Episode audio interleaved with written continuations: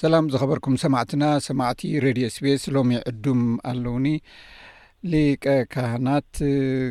ቀሺ ገብረ ሚካኤል ዮሃንስ እዮም ኣብ ሰሜን ኣሜሪካ ናይ ካናዳን ኣሜሪካን ሃገረ ስብከት ዋና ፀሓፊ እዮም ኣብዚ ናብ ኣውስትራልያ ብናቶም ብናይ ውልቆም ናይ ቤተሰብ ጉዳይ ምስ መፁ ኢና ረኪብናዮም ዘለና እንኳዕ ደሓን መፃእኹም ናብ ኣውስትራልያ ሊቀ ካህናት ከመይ ረኪብኩምዎ ኣውስትራልያ እንኳዕ ደሓን ፀናሕኩም በየነ እግዚኣብሔር መስገን ደሓን ኩሉ ሰናይ ኩሉ ፅቡቅ ዓዲ እውን ፅቡቅ ቤተሰብን ሰላም ፀኒሕና ብጣዕሚ ፅቡቅ ዓዲ ዝፍቶ ዓዲ እግዚኣብሔር ዝባረኮ ዓዲ ኣብ ኣገልግሎት ከዓ ፅቡቅ ቀኒና። ቤተ ክህነት ኣብ ሓደ ማለት ቶም ሓደ ብኣቡነ መቃርዮስ ዝምርሑ ቶም ሓደ ድማ ብኣቡነ ሽኖዳ ዝምርሑ ኣብ ሓደ ጠሚሮም ስራሕ ከም ዝጀመሩ ኩሉ ሰብ ዝፈልጦ እዩሞ ብዛዕባ ኣሰራርሕኡ እቲ ስትራክቸር እቲ ቅርፁን ከመይ ከም ኣትሓዝኩሞ ብሕፅር ዝበለን ኣብ ምንታይ ኩነታት ከም ዘሎ ምዕባሊኡን ብድሕሪኡ ዘሎ ኩነታትን ክትገልፁለይ እሞ ናብቲ ካልእ ሕቶታት ክሓት ክንከይድ ሕራይ ሕራይ በየነ እቲ ከምቲ ኩልኻትኩም ዝተኸታተልኩሞን ዝተዓዘብኩሞን እቲ ናይ ዕርቂ ናይ ክልቲኦም ኣቦታት ምቅርራብ መደብ ብክልተ ወገን እዩ ተኻይዱ። ሓደ እቶም ቤተ ክህነት ዘለና ነናሓድሓድና ምርድዳእ ከመይ ጌርና ኣብ ሓደ ንመጽእ ምክንያቱ ብዙሕ ጸገማት ብዙሕ ጸለመታት ብዙሕ ህውከት ስለ ዝጸንሐት ሞንጎ ንዑኡ ኣብ ሓደ ምዕራፍ ኣብጺሕካ ከመይ ጌርና ኣብ ሓደ ንመጽእ ዝብል በቲ ሓደ ብወገን ብጹእ ኣቡነ መቃርዮስ ዝተዋጽኡ ብብጹእ ኣቡነ ሲኖዳ ዝተዋጽኡ ናይ ኣራኸብቲ ኮሚቴ ነይሮምና ማለት እዩ እዚኦም ንኹሉ ወዲኦም ነቲ ጉዳይ ኣጻፊፎም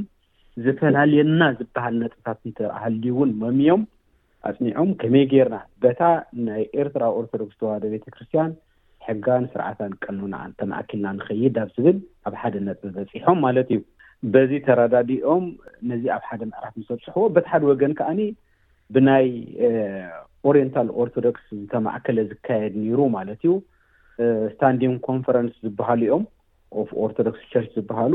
እዚኦም ከዓ ብወገን ኣቡነ መቃሪሰን ብወገን ኣቡነ ሽኖዳን ዝካየድ ንዝነበረ ከዓኒ ዘራኽቡ እዚኦም ከዓኒ ብናይ ኦሬንታል ማለት ኣርመን ሶርያ ህንዲ ግብፂ ኢትዮጵያ ዘማእኸልዎ ካብኣቶም ከዓኒ እዚኦም ከዓ ንክልተ ንክልተ ጳጳሳት መዚዞም ማለት እዮም እየ ሓደ ናይ ኣርመን ፓትርያርክ ወኪል ካልኣይ ከዓኒ ናይ ግብፂ ፓትርያርክ ወኪል ክልተ ጳጳሳት ከዓ እዚኦም ከዓኒ ነዞም ክልተ ቦታት ኣብ ሓደ ከራኽቦም ብሓደ መንፈስ ክሰርሑ ኣብ ትሕቲ ፅላል ቅድስና ኣቡነ እንጦንዮስ ካብ መትከልና ካብ መጀመርያ ንሰስደን ዘበት ብኡ ተሰማሚዕና ብዕኡ ኣብ ሓደ ምዕራፍ በፂሕና ብሓንሳብ ኩለን ኣብያተ ክርስትያናት ዘለዎ ቅዳሴ ተገይሩ ሕብረት ተጀሚሩ ሓድነት ተጀሚሩ ዝነበረ ምፍልላይ ኩሉ ተኣልዩ ብሓደ ምእኩል መገዲ ክንከይድ ተሰማሚዕና ማለት እዩ። እዚ እቲ ቀዳማይ መስርሕ ምስ ተወድአ እምበኣር ንሕና እውን ንበይንና ተራኺብና መምርሒና ነጽፍፍ።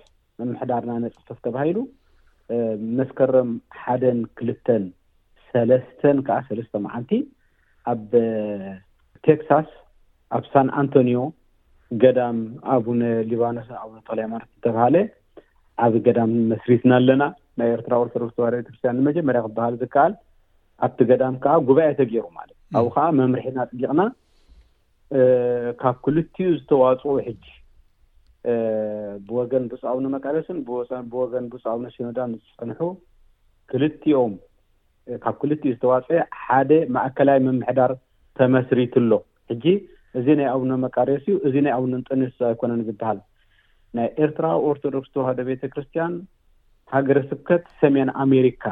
ተባሂሉ ክልቲኦም ኣቦታት ዝመርሕዎ ሓደ ምምሕዳር ሸውዓተ ዝኣባላቱ ምምሕዳር ቆይሙ እቲ ጉዕዝኡ ይቕፅል ኣሎ ማለት እዩ እዚ ኣብ ሰሜን ኣሜሪካ ማለት እዩ ኣብ ኤውሮጳ ኣብ ዝመፅእ ሰሙን ብፁዕ ኣቡነ ሲኖዳ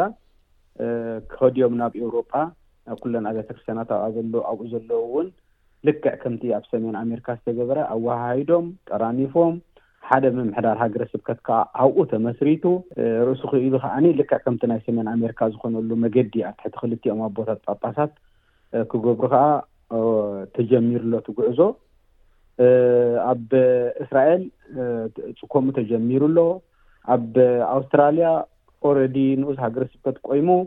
ኩላቶም ካህናት ምምሕዳሮም ኣጻፊፎም ተጀሚሩ ኣሎ እቲ ኣገልግሎት ማለት እዩ ነዚ ይመስል ማለት ብዙሕ ሰብ ዝሓቶ ሕቶ ኣሎ ንሱ ድማ ኩሉ ግዜ ኣብ ትሕቲ ፅላል ኣቡነ እንጠኒዎስ ዝበሃል ኣሎ ኣቡነ እንጠኒዎስ ሓሊፎም እዮም ካልእ እውን እቶም ጳጳሳት እውን ናብ ዕድሚኦም እንዳኸደ እዩ ብፍላይ ድማ ኣቡነ መቃሪዎስ ማለት እየ ስለዚ መጻኢ እዚ ምትእኽኻብ እዚ ብኸመይ ክጥርነፍ ኩሉ ግዜ ኣብ ትሕቲ ኣቡነ እንጠንዮስ እንዳተባሃልካ ድዩ ወይስ ካልእ መጻኢ ትርእይዎ ነገራት ኣሎ እዩ? ክልተ ነገር ኣብ ቅድሜና ኣሎ። ሓደ ንሕና ንኣቡነ እንጠንዮስ ኢልና ኣይኮናን ደው ኢልና ካብ መሰረቱ እውን ደው ክንብል ከለና ንሕጊ ቤተክርስትያን ኢና ደው ኢልና። ሕጊ ቤተ ክርስቲያን ተጣሒሱ፣ ቀኖና ቤተ ክርስቲያን ተጣሒሱ ስለምንታይ? ስለዚ ናብ ንቡሩ ይመለስ ዝብል ኣቋም ሒዝና ኢና ተበጊስና ማለት እዩ። ሕጂ እቲ ቀዳማይ ስጉምቲ ወሲድናዮ ዘለና እንታይ እዩ? ምስቶም ኣቦታትና ኣብ ኤርትራ ዘለዉ ዕርቂ ምግባር ኣብ ሓድነት ምምፃእ ልክዕ ከምዚ ኣብነ መቃርዮስን ኣብነ ሽኖዳን ኣብ ሓደ ዝመፅዋ ምስቶም ኣቦታትና ከኣ ኣሎ ዝበሃል ጉድለታት ተርኣ ሃልዩ ጉድለት ተኣሪሙ፣ ጌጋ ተርኣ ሃልዩ ጌጋ ተኣሪሙ፣ ሓደ ሲኖዶስ፣ ሓደ ፓትርያርክ፣ ሓንቲ ሃገር፣ ሓንቲ ቤተ ክርስቲያን ክትህልወና ልዕሊ መጠን ተሳሒብና ንሰርሕ ኣለና ማለት እዩ። ብወገን ኣብ ኣስመራ ዘለዉ ኣቦታትና ንዓቶም እኳ ክንብል ኣይንኽእልን፣ ግን ኣብ ትሕቲኦም ኮይኖም ከም ጸሓፍቲ ድዮም እረ ከም ካልኦት ድዮም ኮይኖም ዝቖሙ ሓርገኛታት ሰባት ክበሃሉ ዝከኣሉ? ምስ ንፍቕሪ መገዲ ኣብነት ዘይህቡ ከም ጸሓፍቲ ልክዕ እቲ ናይ ማሕበር ቅዱሳን ኣብ ኢትዮጵያ ዘሎ ዓይነት ቃና ዘቃንዩ እዚኣቶም ነቲ መገዲ ብሎክ ገይሮሞ ኣለዉ፣ ዓጽዮሞ ኣለዉ። ንሕና ምስቶም ኣቦታትና ክንራኸብ መገዲ እውን እዚኣቶም ከልኪሎም ኣለዉ። ካልእ ኣብ ጎናዊ ነገር ዝተገበረ እንታይ እዩ? ሲኖዶስ ናይ ግብፂ ክልተ ዓረቕቲ ጳጳሳት ሊቃነ ጳጳሳት ዝርከብዎ ኮሚቴ ኣቑሙ ኣሎ ብግብፂ ንዓናን ነቶም ኣብ ኣስመራ ዘለዉ ኣቦታትናን ከራኽበና ማለት እዮም እቶም ኣብ ኤርትራ ዘለዉ ናብኣቶም ናብቶም ሕጂ እውን ናቶም ጳጳሳት ኣብ ኤርትራ ዘለዉ ምብፃሕ ኣይተኸኣለን ኣብዚ ግን ከቋርፀኩም ሓደ ማለት መሰረታዊ ፍልል ኣለኩም እንታይ ሱ እቲ ናብ ንቡር ትብልዎ ዘለኹም ማለት እዩ እቲ ምስ ኣቡነ ንጠኒዮ ዝተተሓሓዘ ጉዳይ ናይ ሕጊ ሕቶ እታ ቤተ ክርስትያን ርእሳ ክኢላ ብማለሲ ነፃ ኮይና ትኸደሉን ብሕጊ ክትምራሕን ዝብልን ክሳብ ክንደይ ተቐባልነት ክረክብ እዩ በቲ ሓደ ወገን ሓደ ሕቶ ኮይኑ ካልእ እውን ንዕርቂ ትገብርዎ ምቅርራባት እንተልዩ ሕጂ ንኣብነት ዝሓለፈ መፂኦም ነይሮም ሓደ ጳጳስ ካብ ኤርትራ ዓብ ተቃውሞ ገጢሞም በቲ ብፍላይ ኣብቲ ኣብ ብሪስበን ዘሎ ቤተክርስትያን ኣብ ካልእን ማለት እዩ እዚታት ብፍላይ እቶም ጳጳሳት እቶም ኣቦታት ዘይኮኑሲ ኣብ ትሕቲኦም ዘለዉ ኢኹም ትብሉ ዘለኹም ግን በትን በትን ግን ናይ ምፍሕፋሕ ናይ ምፅባእ ነገራት ኣሎ ናብ ዕርቂ ሲ እንታይ እቲ መንገዲ ሕራይ ሽማግለታት በትን በትን ክመፁ ይኽእሉ እዮም ናይ ግብፂ ትብሉ ኣለኹም ካልእ እውን ብኣኻትኩም ወገን ግን ብፍሉይ ማለት ንመቀራረቢ እቲዝሓዝኩሞ መደብ እንታይ እዩ ንሕና ዝሓዝናዮ መደብ እንታይ እዩ ንራኸብ ምስ ኣቦታትና እዩ ጌጋ እንተደኣ ሃልዩና ውን ንእረም። እቲ ከምቲ ዝበልካዮ ሕርቃን ዘበገሶ ጓሂ ዘበገሶ ጽሉልሲ ሕርቁሲ ናይ ሓጺር ግዜ ጽሉል ዝበሃል ዘረባ ኣሎ። ኣብ ሕርቃን ብዙሕ ክትጋገ ትኽእል፣ ብዙሕ ክትገብር ትኽእል፣ ብዙሕ ነገር ከጋጥም ይኽእል እዩ። ሕጂ ብወገን ብኣቶም ዝፍኖ ዘለው እንተሪኢካዮ ዘሰክፍ ቃላት ዘሕፍር ክትዛረቦ ከም ቤተክርስትያን ተዛሪባቶ ኢልካ ክትዛረቦ እውን ዘሰክፍ ኣቃቃላት ሓንሳብ መንካዕ እብሉና ሓንሳብ ካልእ እብሉ ዘየድሊ ነገራት ይካየድ ስለዚ ኣብ ፅልእ ኮይንካ ፅቡቅ ነገር ክህሉ ብዙሕ ኣይትፅበን ኢካ ኩሉ ሰብ ከዓ ሓደ ዓይነት ርድኢት ክህልዎ ኣይክእልን እዩ ገለ ቁጥዓ ኣሎ፣ ገለ ከኣ እስከ ርግእ ኢልና ንርኣዮ ዝብል ኣረኣእያ ኣሎ። ስለዚ ንሱ ንክፍታሕ ኢና ከኣ ንጽዕር ዘለና ማለት እዩ። እቲ ዝኸይድ ከይገድድ ክንዩን ከይከይድ ኢና እቲ ጻዕርና ነካይዶ። ካልእ ምናልባት ከቋርጸኩም ብኣኦም ወገን ደሓን ናባኹም ጥራይ ክተኩር ምእንቲ ማለት እዚ ምክፍፋል ሞር ናብ ፖለቲካዊ ዝምባለ እውን ኣለዎ ከም ዝዕዘቦ ማለት እዩ ማለት ነቲ መንግስቲ ዝቃወም ምሳኻትኩም ክኾን ከሎ እቲ ዝድግፍ ድማ ናብቲ ሓደ ደንበ ብዘየገድስቲ ኣረኣያኹም ሕጋውነትኩም ገለገል መለ ብዘይብል ማለት እዩ ስለዚ ቤተ ክርስትያን ኣብዚ እንታይ ዓይነት ተራያ ትፃወት ዘላ ፖለቲካ ማለት እዩ ብብዙሕ ጉዳያት ነገራት ክንሪኦ ከለና ፖለቲካዊ ትሕዝቶ እውን ኣለዎ ሞ ካብዚ ከመይ ጌራ እያ ክትላቐቕ ትኽእል ካብዚ ፖለቲካዊ ኣካይዳ እታ ቤተክርስትያንሲ ብኡ መሰረት እያ ትኸይድ ዘላ ኣብዚ ከም ዝሪኦ ዘለኹ ብፍላይ ኣብዚ ወፃኢ ማለት እየ። እወ ንሕና ናይ ማንም ፖለቲካ መፀገዒ ክንከውን ኣይንደልን ኢና። ኦርቶዶክሳዊ ኮይኑ ክሳብ ዝመፀ ክሳብ ዝመፀ ንቤተክርስትያን ኢሉ ክሳብ ዝመፀ ደጋፊ ይኹን ተቓዋሚ ንሕና ኦርቶዶክሳውያን ክሳብ ዝኾኑ ዋላ ስለምንታይ ዶ ኤርትራዊ ገዲፉሲ ግብፃዊ ዋላ ኢትዮጵያዊ ዘይመፅእ ኦርቶዶክሳዊነት ክሳብ ዝሓዘ እታ ቤተ ክርስትያን ናይቲ ኦርቶዶክሳዊ ኣማኒ እያ። ሰባት ከምኡ ከምስልዎ ባህርያዊ እዩ ምክንያቱ እንታይ ማለት እየ ኣብዚ ከቋርፀኩም ምናልባት ነቲ ስኻትኩም ሕጊ ተጣሒሱ ኣብ ኤርትራ ኢልኩም ወይ ንዝተኣስሩ እቲ መንግስቲ ዝኣሰሮም ማለት እዩ ናይ ኣባላትታ ቤተ ክርስትያን ይኹኑ ኣይኹኑ ይፈትሑ ኢልኩም ክትፅውዑ ከለኹም ከም ተቃወምቲ ከም ጸላእቲ ክትቁጸሩ ከለኹም ግድነት እዮም ቶም ማለት ንዕኡ ዘይድግፉ ወይ ከዓ ነቲ መንግስቲ ዝገብሮ ዘሎ ኣካይዳ ድማ ዝድግፉ ድማ በቲ ሓደ ወገን ንዓኻትኩም ከም ፀላእቲ ከም ተቃወምቲ ናይ መንግስቲ ሓሲቦም ክርሕቁኹም ማለት እዩ በቲ ሓደ ወገን ድማ እቶም ነቲ መንግስቲ ዝቃወሞ ድማ እሆ እዚኦም ናይ ብሓቂ ኣንፃርቲ መንግስቲ ዝቃወሙ ዘለዉ ቤተ ክርስትያን እዩሞ ናብኦም ክንከይድና ክብል እዚ ውሁብ እዩ መስለኒ እወ ንሱ ከም ንቡር ከም ንቡር ዕላማ ኣብያተ ክርስቲያን ሲ ተልኡ ከዓ ፍትሒ ጎደለ ድኻ ተበደለ ሓባሲት ንብዓት ዘኽታማትን ንብዓት ውፅዓት ናትከውን ዝግባእ ቤተ ክርስቲያን ቤተ ክርስቲያን መነኮሳታ ተኣሲሮም ካህናታ ተኣሲሮም ዲያቆናታ ተኣሲሮም ገዳማታ እናዓነወ ደሓን ስቕ ኢልና ንርአ እንተኮይና ናይ ክርስቶስ እውን ኣይኮነትን ስለዚ ፍትሒ ይገበር እታ ቤተ ክርስትያን ኣደ ፍትሒ እያ ምእንቲ መንግስቲ ትፅሊ ምእንቲ ሃገር ትፅሊ ምእንቲ ሰላም ትፅሊ ሃገር ህዝቢ ሰላም ምእንቲ ክነብር ክነብር ኢላ ትፅሊ ስለዚ ግፍዒ እናተፈፀመ ቤተ ክርስትያን ኣፋን ኢዳን ኣኪባ ስቕ ክትብል እንተኮይና ናይ እግዚኣብሄር እውን ኣይኮነትን እዚኣ መንግስ ዓላማዊ መንግስቲ ዝወነና ቤተ ክርስቲያን ኢልና ኢና ክንጽውዓ ንኽእል ስለዚ ንሕና እሱ ዕላማና እዩ ንሱ መትከልና እዩ ኣብ ዝኾነ ይኹን መዕቀኒ ከዓኒ ናይ ቤተ ክርስቲያን ኣቋም ንሱ ስለ ዝኾነ ክንቅይሮ ኣይንኽእልን ኢና እዚ ስለ ዝበልኩም ምሳና ኣይኮንኩምን እንተኢሎምና ኣይኮሓቆም እዮም ኣይኮናን ኣይኮናን ስለዚ ኣባያ እታ ትመፅእ ዘላ እታ ምፍልላይ ኮይኑ ይስማዓኒ ምክንያቱ ንስኻትኩም ንፍትሒ ክንብል ኢና ኢልኩም ጠጠው ኢልኩም ኣለኹም ኣብቲ ሓደ ወገን ድማ ምስ መንግስቲ ከዓ እቲ ዝገብሮ ዘሎ ወይ ስቕ ምባል እዩ ወይ ቅኑዕ ኢልካ ምባል ኣብቲ ፍልል ስለዚ ነፃ ክክወን ኣይከኣልን እዩ ከምዝሪኦ ዘለኹ ማለት እዩ እዚ ናይ ኤርትራ ፖለቲካ ኣብኡ ከለና ብዛዕባ ፍትሒ ካብ ኣበልዓልና ኣልዒልኩሞም እውን ኣለኹም ብዙሓት ዓበይቲ ሰባት ካህናት ድያቆናት ኣመንቲ በዓሎም ኣብ ቤት ማእሰርትታት ንብዙሕ ዓመታት ተኣሲሮም ኣለው ከም ንፈልጦ ማለት እዩ ብኣኹም ወገን እንታይ ኹም ትገብሩ ብፍላይ ድምፆም ንምስማዕ ዓመታት ክኾይ ክኸይድ ከሎ እቲ ድምፂ እውን እንዳደኸመ ኸይ ዝኸይድ ኮይኑ ይስማዓኒ ሞ ብፍላይ ኣቡነ እንጠንዮስ ድሕሪ ምሕላፎም እቲ ድምፂ እንዳ ወሓደ ኮይኑ ይስማዓኒ ኣነ ብዙሕ ዝዝረብ እውን ኣይሰማዕኩን ሞ ክሳብ ክንደይ ኹም ንዓለም ተእውዩ በብእዋኑ ወይስ ኣብታ ውሽጢ ቤተ ክርስትያን ጥራይ እንዳጸለኻ እንዳዘከርካ ጥራይ ዝኸየድ ዘሎ እንታይ ኹም ትገብሩ? ኣብ ከምኡ ዶ ኣይበልናን እቲ ናይ ኣቡነ እንጠንዮስ ጉዳይ ድኣ ንኹሉ ዓብሊልዎ ማለት ናቶም ድምጺ ስለ ዝወጸ ስለ ዝተሰምዐ ንኹሉ ዓብሊልዎ እቲ ሰብ ኣቴንሽኑ ኣብኡ ገይሩ እምበሪ ንሕና ኣለውና ኖ መነኮሳት ከመይ ዝኣመሰሉ መነኮሳት ካህናት ኣብዚ ዘመን እዚ ክተፍርዮም ኢልካ ዘይትፅበዮም ከመይ ዝኣመሰሉ ሊቃውንቲ ካህናት ኣቦታትና ንብዙሕ ሰብ መገዲ ዘርኣዩ ኣቦታት ከም በዓል ቀሺ ግብረ መድህን ከም በዓል ቀሺ ዶክተር ፍፁም ከም በዓል ቀሺ ዶክተር ተክለኣብ መነኮሳትና ናይ ደብረ ቢዘ መነኮሳትና ናይ እንዳ ኣቡነ ዮናስ መነኮሳትና ናይ ኣቡነ እንድርያስ ብዙሓት መነኮሳት ዝተኣሰሩ ኣለዉ በብግዜኡ ንሕና ነእዊ ኢና እቲ ኣውያትና ቁሩብ እንታይ እቲ ፀገም እቲ ናይ ኣቡነ እንጦንዮስ ዝያዳ ዕርዩ ስለ ዝጎልሐ ነቲ ካልእ ኣድቂቕዎ ክትብል ትኽእል ኢኻ እምበሪ ኣብ ቤተክርስትያን ንገወ የብልናን ብዝከኣለና ፃዕርታት ብኩሉ ንፅዕር ኢና ንህዝብና እውን ንነግር ኢና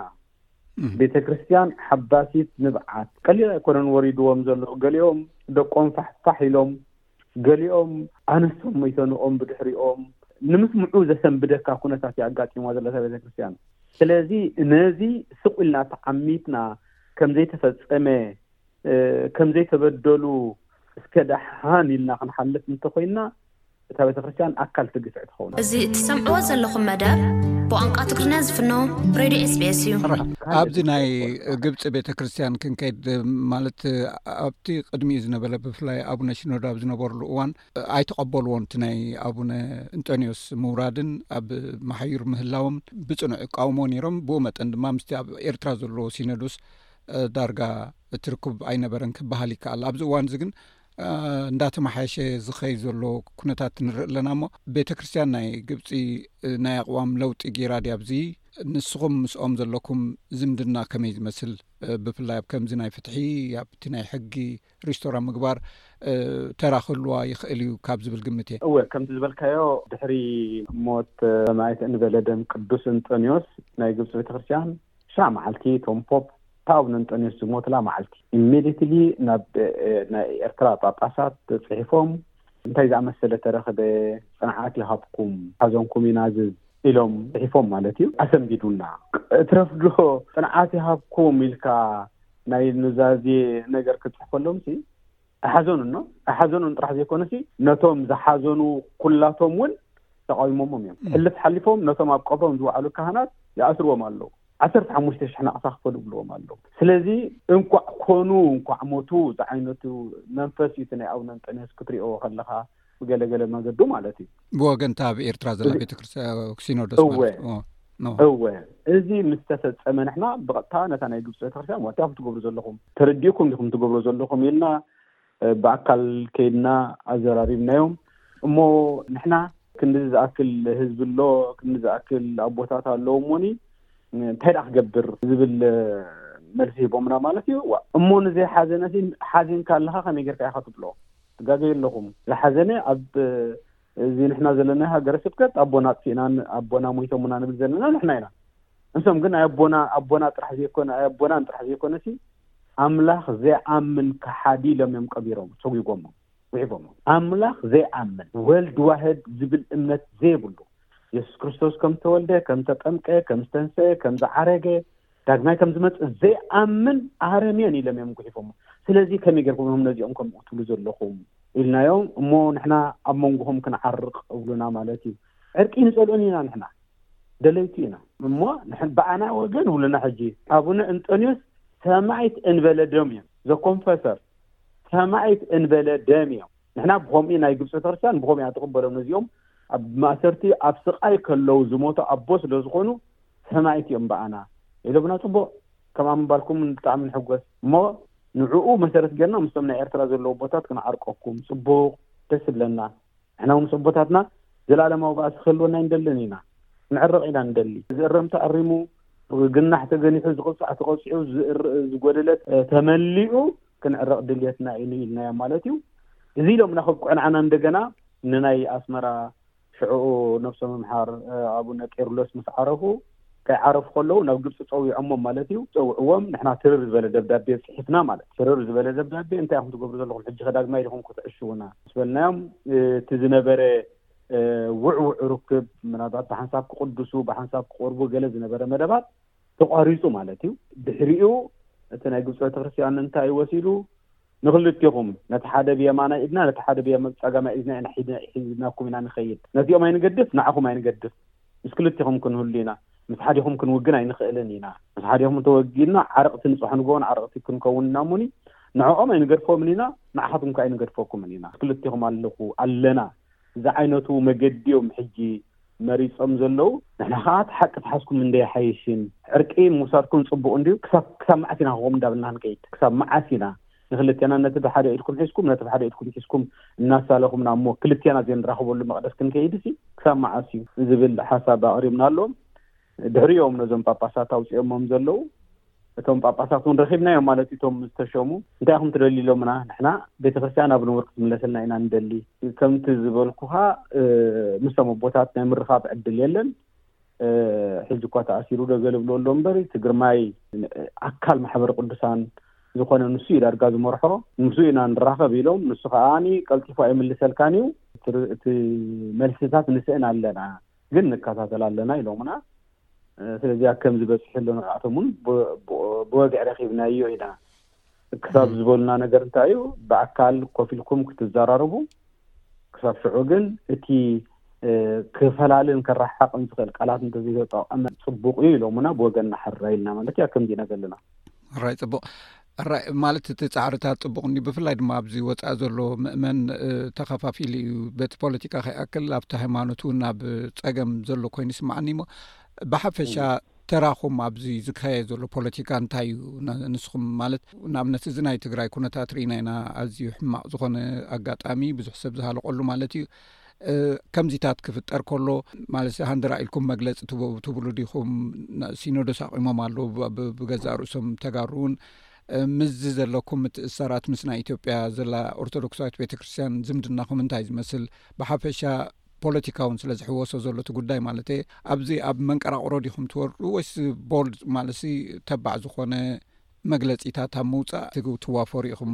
ምስ ብዙሕ ነገር እዩ ማለት ኩሉ ከነልዕሎ እኳ ተዘይከኣልና መንእሰያት ነንሕድሕዶም ይጫፋጨፉ ኣለዉ ኣብዚ ቅሩብ እዋናት ንሪኦ ዘለና ጉዳይ እውን ኣሎ ኣብዚታት ኣቕዋም ትወስቱ ዲኹም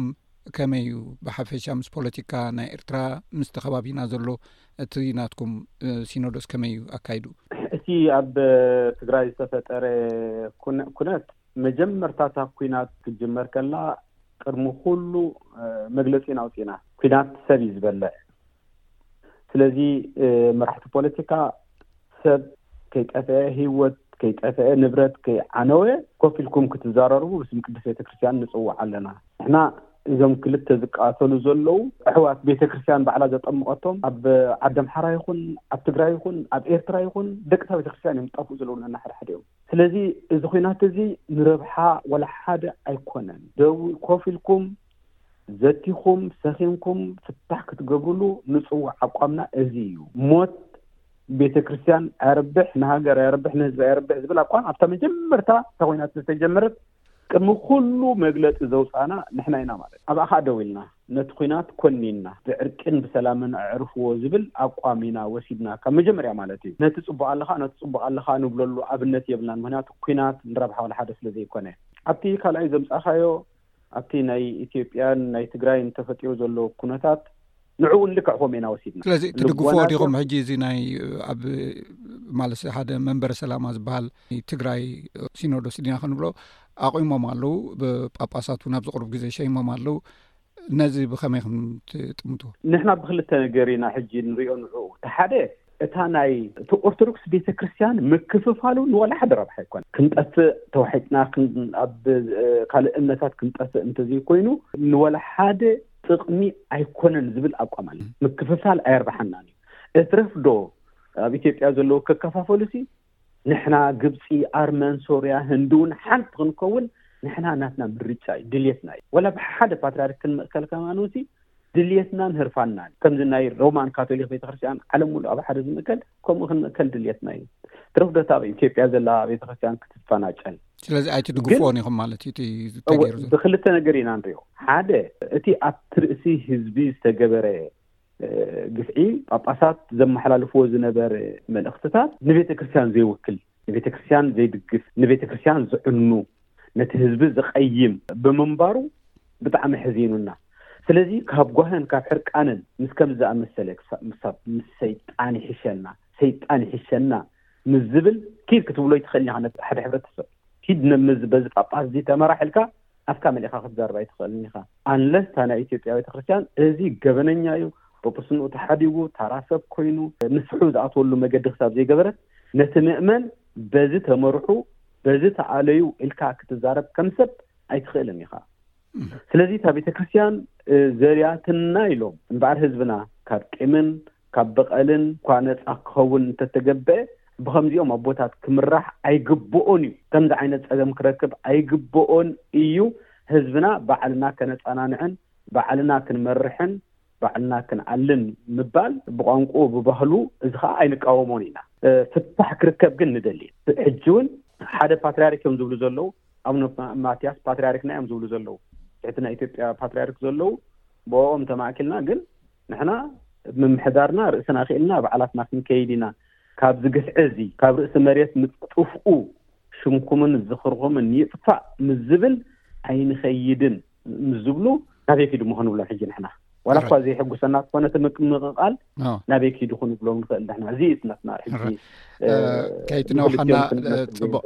ኣብሪህኩም ኣለኹም ኣብ መወዳእታ ምናልባት እታ ቤተ ክርስትያን ብፍላይ እዚ ናይ ኤርትራ ናይ ኢትዮጵያ ኦርቶዶክሳዊት ቤተ ክርስትያን መብዛሕትኡ ኣብቲ መንግስታዊ ምስ ፖለቲካ ዝተተሓሓዘ ዝተጸምደት ኮይኑ ትረአ ብዙሕ ግዜ ማለት ማለት ከምዚ ትብሎ ዘለኹ ማለት ኣይግባእን ይግባእ ኣብ ዝብል ክርክር እቲ ብዓብዩ እታ ቤተ ክርስትያን ተልእኾ እቲ ሃዋርያዊ ተልእኾ ወንጌል ምስፋሕ ይመስለኒ ክሳብ ክንደይ ኣድሚዓ ኣላ ማለት እዚ ክሳብ ክንደይ ሃሲዎ ነቲ ቀንዲ ዕላማኣ ዝኾነ ሰባት ናብ ኣምላኽ ክመፁ ናብ ኣምላኹም መፂኦም ትጉባእ ወንጌል ክምሃሩን ክዓብዩን ኣብ ዝግበር መስርሕ እዚታት ክሳብ ክንደይ ገዲእዎ ነዚ ቀንዲ ዕላማኣ ንምፍፃም ዝግበር ፃዕርታት ብኣኻትኩም ብፍሉይ ተለልዩ ዝስራሕ ነገር ኣሎ ድዩ? ብጣዕሚ ጎዲእዎ ብጣዕሚ እቲ ፀጋዕተኛ ናይ ፖለቲካ ፀጋዕተኛ ናይ መንግስቲ ርኢኻ ካብ ዓሰርተ ክልተ ክፍለ ዘመን ጀሚሩ መንግስታት ራእስታት ናይ ኢትዮጵያ ነታ ቤተ ክርስትያን እጆም ገይሮም እዮም ፀኒሖም ከምዚ ርስቲ መዋግኢ ናትካ በቃ ዝከላኸለልካ ሓንቲ ርእሳ ዝኸኣለት ምክልኻል ሃገር ገይሮም እዮም ክኺድዋ ፀኒሖም ቀፂሉ ከዓ ዘዝመፀ ፖለቲካ ነታ ቤተ ክርስትያን ካብ መጀመርያ እጅ ስለ ዝፀንሐት ፂኡ ፖለቲካ እቲ ናይ ትግራይ ዝመፀ ከምኡ ገይሩ ናይ ኤርትራ ዝመጽእ ከዓ ብዝኸፈዐ ብዝኸፈዐ መልክዕ ነታ ቤተ ክርስቲያን በቃ ኮንትሮል ገይሩ ምንም ከም ዘይትገብር ብርእሲ ሓንቲ ነገር ከም ዘይትገብር ኩሉ ፍቃድ ሓንቲ ትካል ከም ትኸውን ተገይሩ ብጣዕሚ ጎዲእና መግለፂ ምግላፁን ዘይከኣል ጉድኣት በፂሕና ካብ ፓትሪያርክና ካብ ካህናትና ካብ ጳጳሳትና ካብ መነኮሳትና ጀሚርካ ከቢድ ፈተናን ሽግርን በፂሑና ስለዚ እቲ ክትግብኦ ክትዓሞ ዝግባኣ ዕላማ ክትዓምም ክኢላ ዶ ዝበልካ ኣይከኣለትን በየን መገዲ እሞ ግን ኣብዚ ከቋርፀኩም ምናልባት ታሪክ ናይ ቤተ ክርስትያን እንድሕር ኣንቢብና ሲ ካብ ሃዋርያት ጀሚሮም ብክንደይ መስገደል እንዳሓለፉ እቲ ዕላማኦም ግን ኩሉ ግዜ ኣይስሕቱን እዮም ካብ ታሪክ ከም ንምሃሮ ማለት ዋላ እንዳተቀትሉ ዋላ እንዳተጨፍጨፉ እታ ጎይትኦም ዝሃቦም ሚሽን ወይ ከዓ ተልእኾ ሒዞም ክሳብ መወዳእታ ይኸዱ እዮም ብዘየገድስቲ ፀገም ማለት እዩ ዋላ እንዳተቐትሉ እንዳተጠፍኡ ማለት እዩ እንዳተኣስሩ ስለዚ ከምኡስ ኣይከኣልን ማለት ድዩ ወይስ እቲ መንፈሳውነት እውን ዛሕቲ ኢሉ ስለ ዘሎ እዩ ቅሬታ ናብቲ ክስታይ ከኣቱ ይደልን እየ ግን ሕፅር ኣቢልኩም እንታይ ይብኩም እንታይ ከመይ ጌርና ንርኣዮ መሲሉካ ኣቦታትና ጳጳሳት ድሕሪ ናጽነት ክሽየሙ እንከለዉ ካብ ገዳም እዮም መጽዮም ደቂ ገዳም እዮም ካብ ገዳም ከምፅዎም ከለዉ ኣብዚ ዓለም እንታይ ይካየድ እንታይ ኣሎ እንታይ ምንቅስቃሳት ኣሎ ንዓኣቶም ኣፍልጦ ኣይፀንሖምን ኢና ንብል ስለዚ ምስ መፁ መኪና ኣውቲስታ ተሓዚ በትሪ ገዛ ሰራሕተኛ ናይ ገዛ ዋርድያ ናይ ገዛ እዚ ዝኣመሰለ ቀሪቡ ኣሎ ሕሰብ ሓንቲ በቕሊ ዘይነበረቶም ኣቦታት እዮም እዚኣቶም ሕጂ ብእግሮም ዘጓሕ ዝብሉ ዝነበሩ እዚ ምስ ረኸቡ ካብ ገዳም እዮም መፅኦም ጳጳሳት እዮም ኮይኖም እንታይ ገይሮም እዮም ወሲዶሞ በቃ ንሕናሲ ኣብ ኢድ ሓላይ መንግስቲ ወዲቕና ኣለና እዚ ዳግማይ ቆስጠንጢኖስ ንቤተ ክርስቲያን ልዕል ንምባል ዝተበገሰ እዩ ኢሎም ኣሚኖም እዮም ተበጊሶም ሕጂ ኣብዚ ኩሉ ግርህ ልቦም እዚ ዝብለካ ከዓ ብዓደም ሓራ ዝመፀ እዚ ናይ ማሕበረ ቅዱሳን ምንቅስቃስ ከዓ ቤተ ክርስትያን ተሓድሶ ኣትዮማ ኣለዉ፣ ሕንጉጉ ኣትይዋ ኣሎ፣ ከምዚ ኣትይዋ ኣሎ፣ ከምዚ ኣትይዋ ኣሎ ኢለ ነዞም ኣቦታት ከዓ ልቦም ኣንፊሮም ሰንቢዶም ምንም ዝፈልጦ ነገር የብሎም እቲ ዝግበር ዘሎ ምንቅስቃስ እዚኣቶም ብዝጠጅእዎ እዮም ዝኸዱ ስለዚ ኣሎ ሕንጉጉ ኣሎ ሲኣኤ ኣለብኡ ወያኔ ኣለብኡ ጴንጤ ኣለዉ፣ ተሓድሶ ዝበሃሉ ከኣ ሕጂ ዝመጹ ሓደሽቲ ነታ ቤተ ክርስትያን ብውሽጣ ገልቢጦም ከልዕልዋ ዝተስኡ ኣለዉ። ስለዚ ከምዚ ቤተ ክርስትያን ወዲቑኩም ኣሎ ኣቦታት፣ ሕንጎጎ ኣትይዋ ኣሎ ቤተ ክርስትያን ኢሎም ነቶም ኣቦታት ኣብ ሓደጋ ኣውዲቖሞም። ዲፐንደንት ከም ዝኾኑ ኣብኣቶም ገይሮሞም። ሕጂ ከምቲ ናይ ሃዋርያት መገዲ ይኸዱ ኣለዉዶ? እንተልካ በቲ ናቶም ኣእምሮ እወ በቲ ናቶም ኣረዳድኣ ሕጂ ክትሪኦ ከለካ ዋእ ከሓዲ ዝነበረ ዘይፈለጥናዮ ዝፀናሕና ሰብ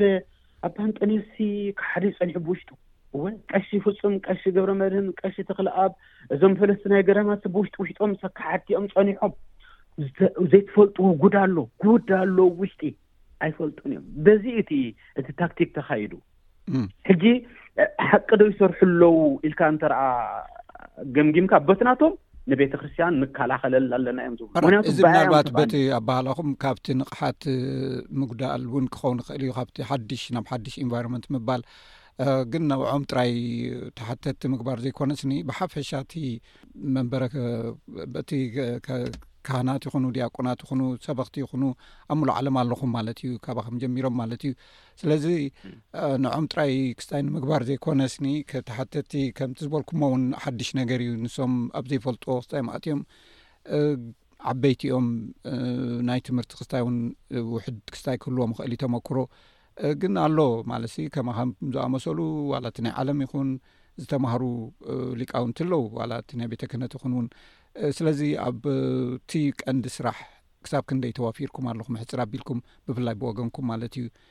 ሰባት ከይጠፍኡ ሂወቶም ክመልሱ ኣብዚታት ሲ ዝስራሕ ነገር ተልዩ ሕፅር ኣቢልኩም ግለፁለይ እወ ንሕና ብወገንና ሕጂ እንታይ ኣብ ምንታይ ኢና ተዋፊርና ቤተክርስትያን ኦርቶዶክስ ሰኣን ዝፈልጣ ሰብ ፈሊጥዋ ዘይኮነ ዝጠፍእ ዘሎሲ ሰኣን ከይፈለጣ ዝጠፍእ ዘሎ እዩ ዘጉህየና ዝብል ሓሳብ ኣበጊስና ብዙሓት ካህናት ብፍላይ በቲ ሰሜን ኣሜሪካ ዝፀንሑ ኣዝዮም ብዙሓት ካህናት ናይ ቴሎጂ ትምህርቲ ከም ዝምሃሩ ጌርና ማለት እዩ ናይ ካውንስሊንግ ትምህርቲ ከም ዝምሃሩ ጌርና ማለት እዩ ነዚኦም ከዓ እንደገና ነቲ ዝተምሃርዎ ትምህርቲ ብቋንቋ ትግርኛ ተተርጉሙ ካብ ናይ እንግሊዝኛ ቋንቋ ስነ መለኮት ትምህርቲ ከፊትና ኣለና ንካህናትን ንድያቆናትን እዚ እቲ ቤተ ክርስትያንና ኢልና ናይ ጉዕዞ መገዲ ጀሚርና ኣለና ክንድቲ ዝክስጉሞ ዝክእል ዶ ሰጒሙ እንተልካኒ ኣይተካእለን ምክንያቱ እቲ ቤተ ክህነቱ እንተሸቁሪሩ እዚኦም ኣይትፈልጥዎም ኢኩም ፖለቲካዊ ሓይሊ እዚኦም ኣይፈለጥኩሞምን ኣለኹም እዚኦም ፀረ ሃገር እዮም እዚኦም ፀረ መንግስቲ እዮም እዚኦም ፀረ ሃይማኖት እዮም እዚኦም ተሓድሱ እዮም እዚኦም መናፍቃን እዮም ኢሉ ከዓ ነቲ ቤተ ክህነት ከዓ የሰንብዶ የፍርሖ ይድህሎ ሕጂ እቲ ክመፅእ ዝኽእል ነዚ ስዒሩ ክመፅእ ከቢድ ሕበ ቃልሲ እዩ ዝካየድ ብዝከኣለና ግን እቲ ህዝብና ከዓ ኣብቲ ሃይማኖት ርድኢት ስለ ዘይፀንሖ ብስምዒት ጥራሕ ነቲ ሃይማኖት ክስዕበ ስለዝፀንሐ ይስንብድ እዚታት ክሰምዖ ከሎ ሕጂ ይደናገጽ ማለት እዩ እንታይ ኢና ንገብር ዘለና ገለ ዝዓይነቱ መንፈስ ይኣትዎ ብዝኾነ ግን ብዙሕ ኣስማዒ ኢልካ ክትዛረበሉ እኳ እንተዘይተኸኣለ መጠነኛ ዝኾነ ለውጥታት ግን እናተረኣየ ይኸይድ ኣሎ ብፍላይ ድሕሪ ናይ ኣቡነ እንጠንዮስ ቪድዮ ምዝርጋሓ ገለ ካለ እዩ ቤተ ክርስትያን ብውሽጢ ንሕና ዘይንፈልጦ ለካ ሕቡእ ነገር ዝካየድ ነገር ኣሎ እዩ ዝብል ሕጂ ዳርጋ ብዙሕ ቤተ ክህነት ናብ ርድኢትን ናብ ሓድሽ መንፈስን ናብቲ ቤተ ክርስትያን ንምዕባያን ነቲ ናይታ ቤተ ክርስትያን ጥንታውነትን ሃዋርያውነትን ስርዓት ሓልያ ክትከይድ ብዙሕ ቤተ ክህነት ተበጊሱ ከም ዘሎ እየ ዝርዳእ ዘለኩ ፅቡቅ ኣለና ንምባል እየ ሕራይ ፅቡቅ ምስ ሊቀ ካህናት ቀሺ ገብረ ሚካኤል ዮሃንስ ካብ ኣሜሪካ ናብ ኣውስትራልያ ተጓዒዞም ዘለዉ እየ ዕላል ክገብር ፀኒሐ የቀኒለይ ፀኒሐትኩም ድማ ናይ ሰላም ናይ ሓጎስ ክኾነልኩም እናተመንኹ ምናልባት ትብልዎ ተልይኩም ዕድል ክበኩም ሕቶ ግን ወዲእ ኣለኹ ሓራ የቀኒለይ ቤተ ክርስትያን ካብ ፖለቲካ ካብ ፖለቲካውያንን ገዛእቲ ነፃ ክትከውን ይግባኣ ካልእ ብጣዕሚ ኣተሓሳሳቢ ጉዳይ ሩባ ሰጊሮም፣ ሽንጥሮ ሰጊሮም፣ ሞት ሰጊሮም፣ ጥይት ሰጊሮም መጺኦም እንደገና ሕጂ ኣብ ወጻኢ ተጓጃጂልካ ዝካየድ ዘሎ ኣዕናዊ ምቅታል ደም ምፍሳስ ብጣዕሚ የጉህየና ብጣዕሚ የጉህየና ክነብሩ ኢሎም መጺኦምሲ ኣብቲ ዝነብሩሉ ከዓ ዘየንብር ኩነታት ኣጋጢሞም ኣሎ መንእሰያትና ስለዚ እዚ ጉዳይ እዚ ብባእስን ብህልኽን ብቕርሕንትን ብምጉያይን ብምቅታልን ዝውዳእ ጉዳይ ኣይኮነን። መንእሰያት ክሰኽኑ ከም ዘለዎም፣ ብምርድዳእ ጉዳዮም ክፈትሑ ከም ዘለዎም፣ ብበትሪን ብእምንን ብኣውያትን ብቕትለትን ንሰምዖ ኣለና ኣብ እስራኤል ዝካየድ ዘሎ ብጣዕሚ የጉህየና። እዚ ንቤተ ክርስቲያን ረብሓ ኣይኮነ፣ ንሃገር ረብሓ ኣይኮነ፣ ንወለዶም ረብሓ ኣይኮነ፣ ንደቆም ረብሓ ኣይኮነን፣ ወላ ሓደ ረብሓ ኣይኮነን እዚ። ስለዚ ብጓይላ ከዓ ዝመፅእ ዓወት የለን። ብጓይላ ዝመፅእ ረብሓ የለን። ስለዚ ብሰንኪ ጓይላ መንእሰያት ከምዚ ዓይነት ደም ክፋሰሱን ክቃተሉን ክንርኢ ኣነ ብጣዕሚ እዩ ዝሕዝነና። ብወገንና እውን ዓገብ ኢና ንብል ዘለና እዚ ጉዳይ እዚ ደው ክብል መንእሰያት መንእሰያት ይኹም ኣብ ስደትን ኣብ ዓዲ ዲሞክራሲን ኣብ ዓዲ ትምህርትን ኣለኹም በጃኻትኩም ልቦና ጌርኩም ናይ ፖለቲካዊ ፍልልይ ክህልወኩም ባህርያዊ እዩ ልቦና ጌርኩም ግን ኣብ ጣውላ ክትፈትሕዎ እዚ ምቅታልን ደም ምፍሳስን ደው ክብል ብወገነይ ጸዋዒተይ የተሓላልፍ እግዚኣብሄር ሰላም ሃብ ጽባሕ ንግሆ ናብቲ ዓዲ ደም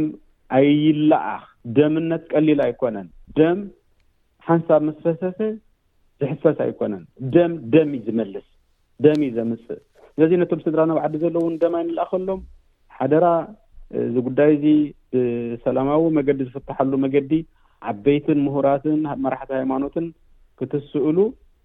መዕረፊ ክገብርሉ ኣነ ብወገነ ሓደራ ብል ይቐኒለይ ሓው በየነ ዝዕድል ዝሃብካኒ እግዚኣብሔር ኣምላኽ ይባርኽካ ኩሉ ኣገልግሎትካ ኣምላኽ ይቀበሎ ሕራይ የቐኔለይ ሊቀ ካህናት ቀሺ ገብረ ሚካኤል ዮሃንስ ካብ ኣሜሪካ ኣብ መጻኢ ብካልእ የራኽበና መስግን ማሕበረሰብኩም ዘተኹም ኤስቢኤስ ትግርኛ